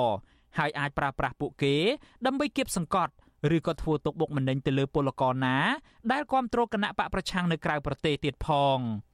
ក្រុមហ៊ុនដែលអាចបញ្ជូនមកបានក៏តែមានលុយ100000ដុល្លារព្រោះតែពួករបស់គាត់អស់ហ្នឹងមានលុយ100000ដុល្លារមកពីហ្នឹងក្នុងកធនាគារអញ្ចឹងវាអាចកើតឡើងរឿងពលពលលួយមួយបានបាទថតតែសួរទា10000ឬក៏20000ហ្នឹងតែតែសួរទាខ្ញុំអត់អត់អាចដឹងបានហ្នឹងគឺមួយទីពីរគាត់ទីពីលើពលករនឹងមិនដឹងជាក្នុងម្នាក់គាត់ទីប្រហែលព្រោះយើងនិយាយថាម្នាក់ក្នុងគាត់គាត់ទីមួយខែតែ100នឹងគាត់មានអីខ្លះនៅស្រុកខ្មែរថ្ងៃហ្នឹងអញ្ចឹងរឿងហ្នឹងវាជារឿងមួយដែលយើងអាចធ្វើការសង្កេតដល់ពេលដែលរបបនឹងវាធ្វើទៅលត់ទៅបាទកន្លងទៅมันធ្លាប់មានព័ត៌មានបែកធ្លាយពីទ្រព្យសម្បត្តិរបស់លោកហេងសួរនោះទេ ហើយលោកក៏មិនបានសម្ញែងទ្រព្យសម្បត្តិហឺហាដោយមន្ត្រីមួយចំនួនទៀតនោះដែរក៏ប៉ុន្តែភរិយារបស់លោកឈ្មោះសោមរស្មី គឺជាម្ចាស់សន្តាគារធំមួយ នៅក្បែរឆ្នេរអូត្រេសខេត្តព្រះសីហនុដែលអាចមានតម្លៃដល់រាប់លានដុល្លារឯណោះ។ បើតាមការបង្ហោះលើ Facebook ផ្ទាល់ខ្លួនភរិយារបស់លោកហេងសួរក៏ជាអ្នកជំនួញអចលនវត្ថុម្នាក់ផងដែរដែលគាត់បានបង្ហោះសារលក់ដី និងលក់ផ្ទះនៅលើ Facebook ជាបន្តបន្ទាប់វិទ្យុអាស៊ីសេរីបានព្យាយាមតាក់ទងលោកហេងសួរជាច្រើនដងដើម្បីសុំការបកស្រាយរឿងនេះតែមិនទទួលបានការឆ្លើយតបនោះទេរហូតមកដល់ម៉ោងផ្សាយនេះ ក៏ប៉ុន្តែជុំវិញការលើកឡើងទាំងឡាយពាក់ព័ន្ធទៅនឹងលោកហេងសួននេះតំណាងគណៈបកប្រជាជនកម្ពុជាលោកសុកអេសានចាត់ទុកថាទាំងនេះគឺជារឿងដែលមិនអាចយកជាការបានឡើយទេគាត់មនុស្សល្អអានឹងនិយាយរួមគាត់មនុស្សល្អគាត់ធ្វើការត្រឹមត្រូវណាទៅតាមទូនាទីភារកិច្ចដែលរាជរដ្ឋាភិបាលបកគលឲ្យគាត់ដែលដែលគណៈបកបកគលជូនគាត់បាទបើសិនណាជាអាយដាមហេងសួរទៅធ្វើសកម្មភាពដែលមានការគំរាមកំហែងដល់ពលករក្រៅ អញ្ញាធតគេនឹងចាត់វិធានការប៉ុន្តែយើងមានសិទ្ធិអីទៅគ្រប់ដណ្ដប់ទៅលើឯករាជ្យអធិបតេយ្យភាពរបស់ប្រទេសដទៃវាអត់មានទេតកតងទៅនឹងទួនាទីរបស់លោកហេងសួរនៅក្នុងជួរបកវិញលោកគឺជាសមាជិកគណៈកម្មាធិការកណ្ដាលគណៈបកប្រជាជនកម្ពុជា និងជាមនុស្សចំណិតរបស់លោកហ៊ុនម៉ាណែតលោកគឺជាប្រធានក្រុមការងាររៀបចំអង្គការចាត់តាំងយុវជនគណៈបកប្រជាជនកម្ពុជា នៅទ្វីបអាស៊ីខាងកើតនិងអាគ្នេយ៍ នៅក្នុងទួនាទីនេះលោកជំនួសមុខឲ្យលោកហ៊ុនម៉ាណែតនៅក្នុងការគៀកោបង្កើនការគ្រប់គ្រងឲ្យគណៈបកប្រជាជនកម្ពុជា នៅក្នុងមជ្ឈដ្ឋានសហគមន៍ខ្មែរដែលរស់នៅនិងធ្វើការនៅក្នុងប្រទេសកូរ៉េជប៉ុនម៉ាឡេស៊ីនិងប្រទេសថៃលោកហេងសួរបានឡើងចុះប្រទេសទាំងនេះជាញឹកញាប់ដើម្បីពង្រឹងសកម្មភាពបកក៏ប៉ុន្តែលោកសុកអេសានបានថ្លែងការពីថាបេសកកម្មនេះមិនបានប្រើប្រាស់ថវិកាជាតិនោះទេ លោកហេងសួរគឺជាមនុស្សបដូរផ្ដាច់នឹងគណៈបកប្រជាជនកម្ពុជា ជាពិសេសជាមួយនឹងលោកហ៊ុនម៉ាណែតនៅពេលដែលលោកហ៊ុនសែនប្រកាសរៀបចំការបោះឆ្នោតផ្ទៃក្នុងបកដើម្បីជ្រើសរើសលោកហ៊ុនម៉ាណែតជាបេក្ខជននាយករដ្ឋមន្ត្រីបន្តវេននោះលោកហេងសួរមិនបានរួញរានៅក្នុងការបង្ហាញជំហរគាំទ្រលោកហ៊ុនម៉ាណែតជាសាធារណៈនោះឡើយលោកបានចេញញត្តិគាំទ្រភ្លាមភ្លាមនិងបានចេញសារលិខិតអបអរជាបន្តបន្ទាប់ក្រោយពេលលោកហ៊ុនម៉ាណែត ត្រូវបានជ្រើសរើសជាបេក្ខជននាយករដ្ឋមន្ត្រីបន្តវេននៃគណៈបកប្រជាជនកម្ពុជាជាផ្លូវការអ្នកនាំពាក្យគណៈបកប្រជាជនកម្ពុជាលោកសុកអេសានមិនទាន់អាចបញ្ជាក់បានថាតើលោកហេងសួរនឹងទទួលបានតួនាទីជាអ្វីនោះទេប្រសិនបើលោកហ៊ុនម៉ាណែតក្លាយជានាយករដ្ឋមន្ត្រីនៅថ្ងៃអនាគតក៏ប៉ុន្តែបើតាមអធិបុលរបស់លោកនៅក្នុងក្រសួង និងនៅក្នុងជួរបកលោកហេងសួរទំនងជានឹងក្លាយជារដ្ឋមន្ត្រីក្រសួងការងារនៅពេលខាងមុខ ឬមួយលោកអាចនឹងឡើងធំជាងនេះទៅទៀតក៏ថាបានអាស្រ័យទៅលើគុណសម្បត្តិនិងភាពបដូរផ្ដាច់ជាមួយនឹងមេរបស់លោកគឺលោកហ៊ុនម៉ាណែតខ្ញុំយ៉ងច័ន្ទដារាវិទ្យុអាស៊ីសេរីរាយការណ៍ពីរដ្ឋធានី Washington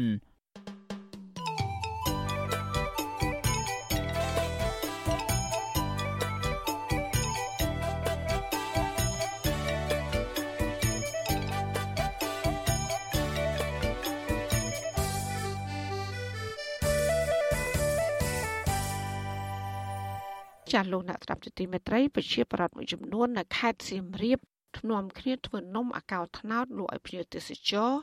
ដែលមកលេងកម្សាន្តនៅតំបន់អង្គរដើម្បីរកប្រាក់ចំណូលគ្រប់គង់ជីវភាពប្រចាំថ្ងៃចាពួកគាត់បារម្ភខ្លាចអាញាធរជាតិអប្សរាបណ្ដេញពួកគាត់តាំងបង្ខំឲ្យរុះរើផ្ទះសម្បែងហើយដែលធ្វើពួកគាត់បាត់បង់មុខរបរនេះចាសូមស្ដាប់តក្រិការរបស់អ្នកស្រីសុជីវីជំនាញព័ត៌មាននេះ ប្រជាពលរដ្ឋរស់នៅភូមិបដាឃុំបដាស្រុកបន្ទាយស្រីខេត្តសៀមរាបមួយចំនួនលើកឡើងថារបរធ្វើនំខ្មែរកំពុងតែមានការតាក់ទាញជាខ្លាំងពីភ្ញៀវទេសចរដែលមកលេងនៅប្រាសាទអង្គរខណៈដែលភ្ញៀវទាំងនោះតែងតែឆ្លៀតចូលមកទិញនំខ្មែរនេះជារៀងរាល់ថ្ងៃដែលធ្វើមុខរបររបស់ពួកគាត់បានคล้ายទៅជាអត្តសញ្ញាណមួយសម្រាប់ភូមិបដាអាជីវករម្នាក់ក្នុងចំណោមអាជីវករផ្សេងទៀតដែលប្រកបរបរធ្វើនំអាកោត្នោត និងនំផ្លែអាយលក់ឲ្យភ្ញៀវទេសចរជាតិនិងអន្តរជាតិជារៀងរាល់ថ្ងៃនៅខាងមុខផ្ទះរបស់ខ្លួនជាប់ផ្លូវទៅប្រាសាទអង្គរវត្តលោកស្រីថ្លុងឋានរស់នៅភូមិបដាប្រាប់វិទ្យុអាស៊ីសេរីថា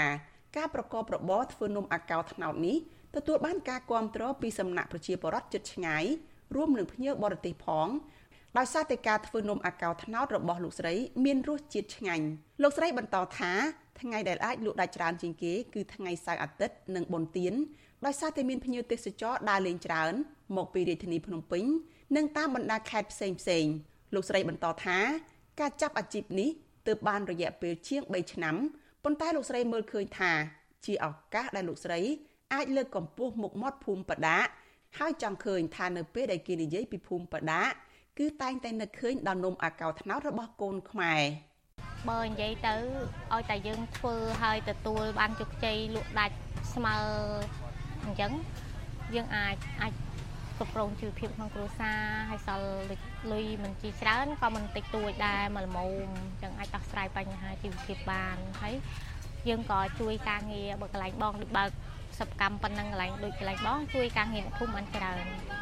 ទាំងផ្នែកគេអ្នកលក់វត្ថុធាតុដើមដូចជាស្ករអង្គអញ្ចឹងបងទិញតែក្នុងស្រុកណាទិញតែក្នុងស្រុកពទាស្រីនិងភូមិយើងនឹងឯងមានស្លឹកចេកអង្គស្ករដូង4មុខហ្នឹងសំខាន់នំអាកោត្នោតគឺជានំដែលប្រជាពលរដ្ឋខ្មែរភាគច្រើននិយមធ្វើសម្រាប់បរិភោគប្រចាំថ្ងៃ និងពេលមានបុណ្យទានម្ដងម្ដងប៉ុន្តែបច្ចុប្បន្ននេះមុខរបរធ្វើនំអាកោត្នោតបានក្លាយជារបរលក់ដូរដ៏ពេញនិយមនៅតាមតំបន់នៅក្នុងប្រទេសកម្ពុជាគ្រឿងផ្សំនៃនំអាកោត្នោតរួមមាន សាច់ត្នោតទុំសាច់ដូងម្សៅអង្ករនិងស្ករសជាដើម ហើយការធ្វើនំអាកោត្នោតនេះមានភាពងាយស្រួលនិងចំណាយដើមទុនតិច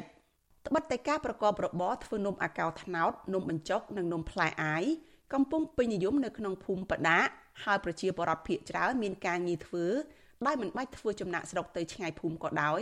ប៉ុន្តែពលរដ្ឋភាគច្រើនបារម្ភពីការបណ្តេញចេញទាំងបង្ខំពីសំណាក់អាជ្ញាធរដែលធ្វើឲ្យពលរដ្ឋទាំងនោះ បារម្ភពីជីវភាពប្រសិនបើពួកគាត់ផ្លាស់ប្ដូរទៅទីតាំងថ្មី តាមការអំពាវនាវរបស់អាជ្ញាធរកន្លងទៅលោកស្រីថ្លុងឋានបន្តថាពួកគាត់មិនអាចចាក់ចេញពីទីនេះបានទេទោះជាប្រឈមនឹងការស្លាប់ដោយសារតែការបណ្តេញចេញឬរងអំពើហិង្សាពីសំណាក់អាជ្ញាធរក៏ដោយពីព្រោះពួកគាត់រស់នៅក្នុងតំបន់នេះជាង40ឆ្នាំមកហើយខណៈដែលភូមិនេះជាភូមិចំណាស់តាំងពីដូនតា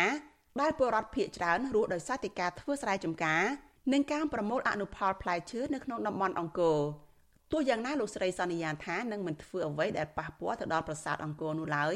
ហើយការរស់នៅរបស់លោកស្រីគឺមានតែការអភិរក្សបន្ថែមនៅអត្តសញ្ញាណរបស់ជាតិការត្រង់តែសម័យក៏នឹកឃើញទឹកភ្នែកហូរមកដែរ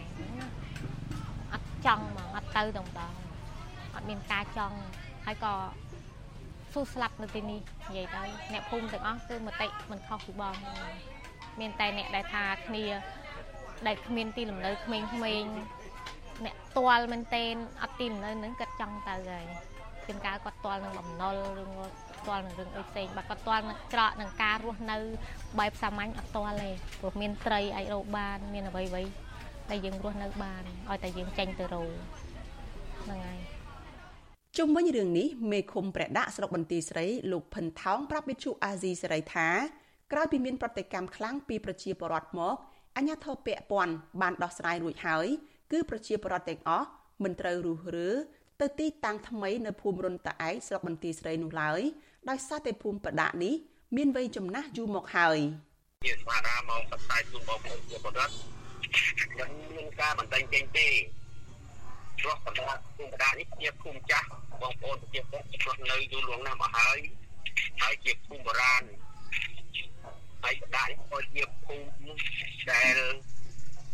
ជាភូមិមួយគឺភូមិគំរូទូទាំងក្នុងស្រុកទីស្រីទេចាក់ទៅខាងស្អាតអីក៏វាឃើញថាអនាម័យបរិស្ថានល្អប៉ុន្តែទាក់ទងការដេញចេញនេះអឺអនមានប្រកាសឲ្យអត់មានការបណ្ដេញចេញទេបងប្អូនរស់នៅធម្មតាខ្ញុំឲ្យមានការបារម្ភ ក្រឡេកមកមើលការធ្វើនំអាកោត្នោតវិញពលរដ្ឋម្នាក់ទៀតលោកស្រីច័ន្ទធូរស់នៅភូមិប្រដាក់ដែរបានឲ្យដឹងថាកាលពីមុនវិបត្តិជំងឺ Covid-19 ការធ្វើនំអាកោត្នោតរបស់លោកស្រីមិនសូវលក់ដាច់ច្រើនដោយបច្ចុប្បន្ននោះទេ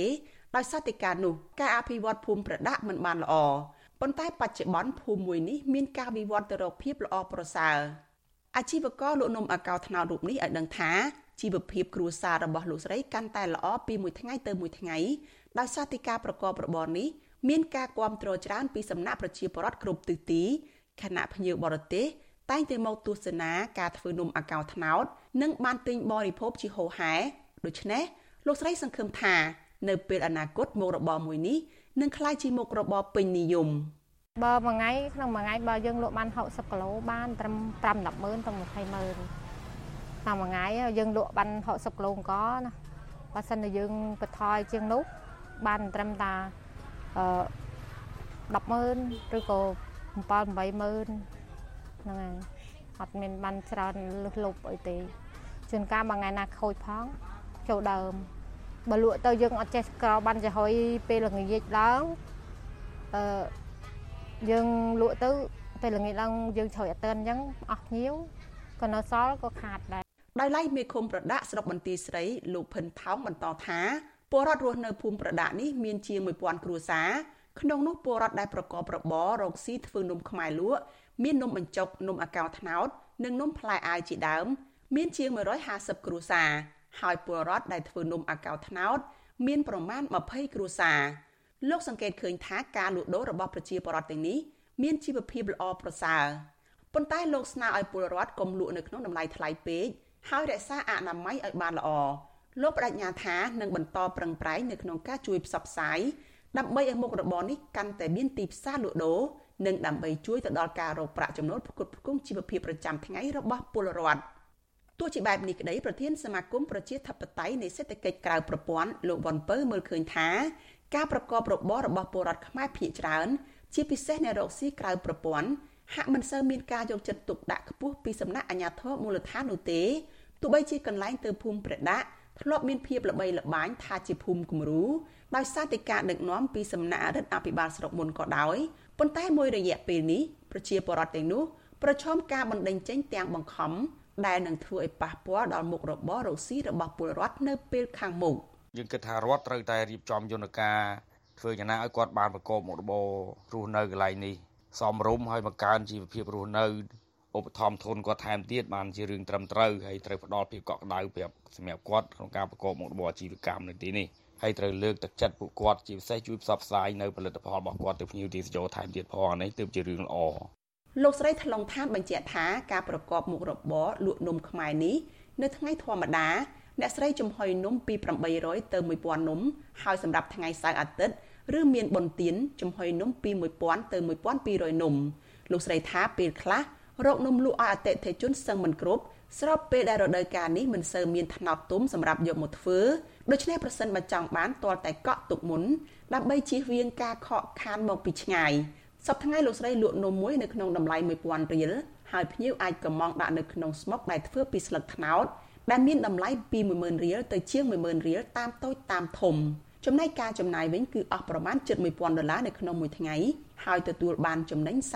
30%នៃថវិកាដែលបានចំណាយ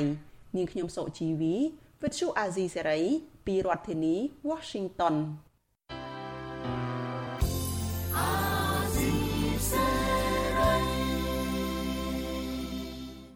ចាលោកនាងកញ្ញាអ្នកស្ដាប់ជាទីមេត្រីការផ្សាយរយៈពេល1ម៉ោងរបស់វិទ្យុអាស៊ីស្រីជាភាសាខ្មែរនៅពេលនេះចាប់តែប៉ុណ្ណេះចាយើងខ្ញុំទាំងអស់គ្នាសូមជូនពរលោកនាងនិងក្រុមគ្រួសារទាំងអស់សូមជួបប្រកបតែនឹងសេចក្តីសុខសេចក្តីចម្រើន ជានិរន្តរ៍ចានាងខ្ញុំម៉ៃសុធានីព្រមទាំងក្រុមការងារទាំងអស់របស់អាស៊ីស្រីសូមអរគុណនិងសូមជម្រាបលា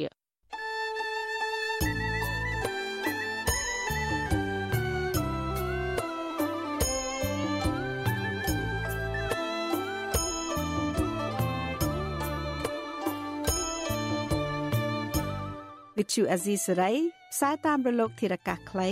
ឬ shortwave តាមកម្រិតនិងកម្ពស់ដូចតទៅនេះពេលព្រឹកចាប់ពីម៉ោង5កន្លះដល់ម៉ោង6កន្លះតាមរយៈប៉ុស SW 9.39 MHz ស្មើនឹងកម្ពស់ 32m និងប៉ុស SW 11.85 MHz ស្មើនឹងកម្ពស់ 25m ពេលយប់ចាប់ពីម៉ោង7កន្លះដល់ម៉ោង8កន្លះតាមរយៈប៉ុស SW 9.39 MHz ស្មើនឹងកម្ពស់ 32m ប៉ុស SW 11.88 MHz ស្មើនឹងកម្ពស់ 25m និងប៉ុស SW 15.15 MHz ស្មើនឹងកម្ពស់ 20m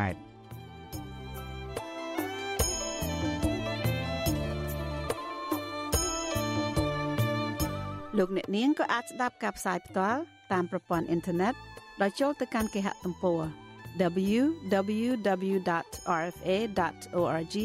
ខ្មែរក្រៅពីនេះលោកអ្នកនាងក៏អាចអាននិងទស្សនាព័ត៌មានវិទ្យុអេស៊ីសេរីលើទូរស័ព្ទដៃរបស់លោកអ្នកផ្ទាល់សូមលោកអ្នកនាង ចូលទៅកាន់កម្មវិធី Facebook រួចស្វែងរកពាក្យ RFA ខ្មែរនិង YouTube ដោយស្វែងរកពាក្យ RFA ខ្មែរសូមលោកអ្នកនាងចុច like និងចុច subscribe ដើម្បីទទួលបានព័ត៌មានថ្មីៗតាន់ហេតុការនិងទស្សនាវីដេអូផ្សេងៗទៀតបានគ្រប់ពេលវេលា។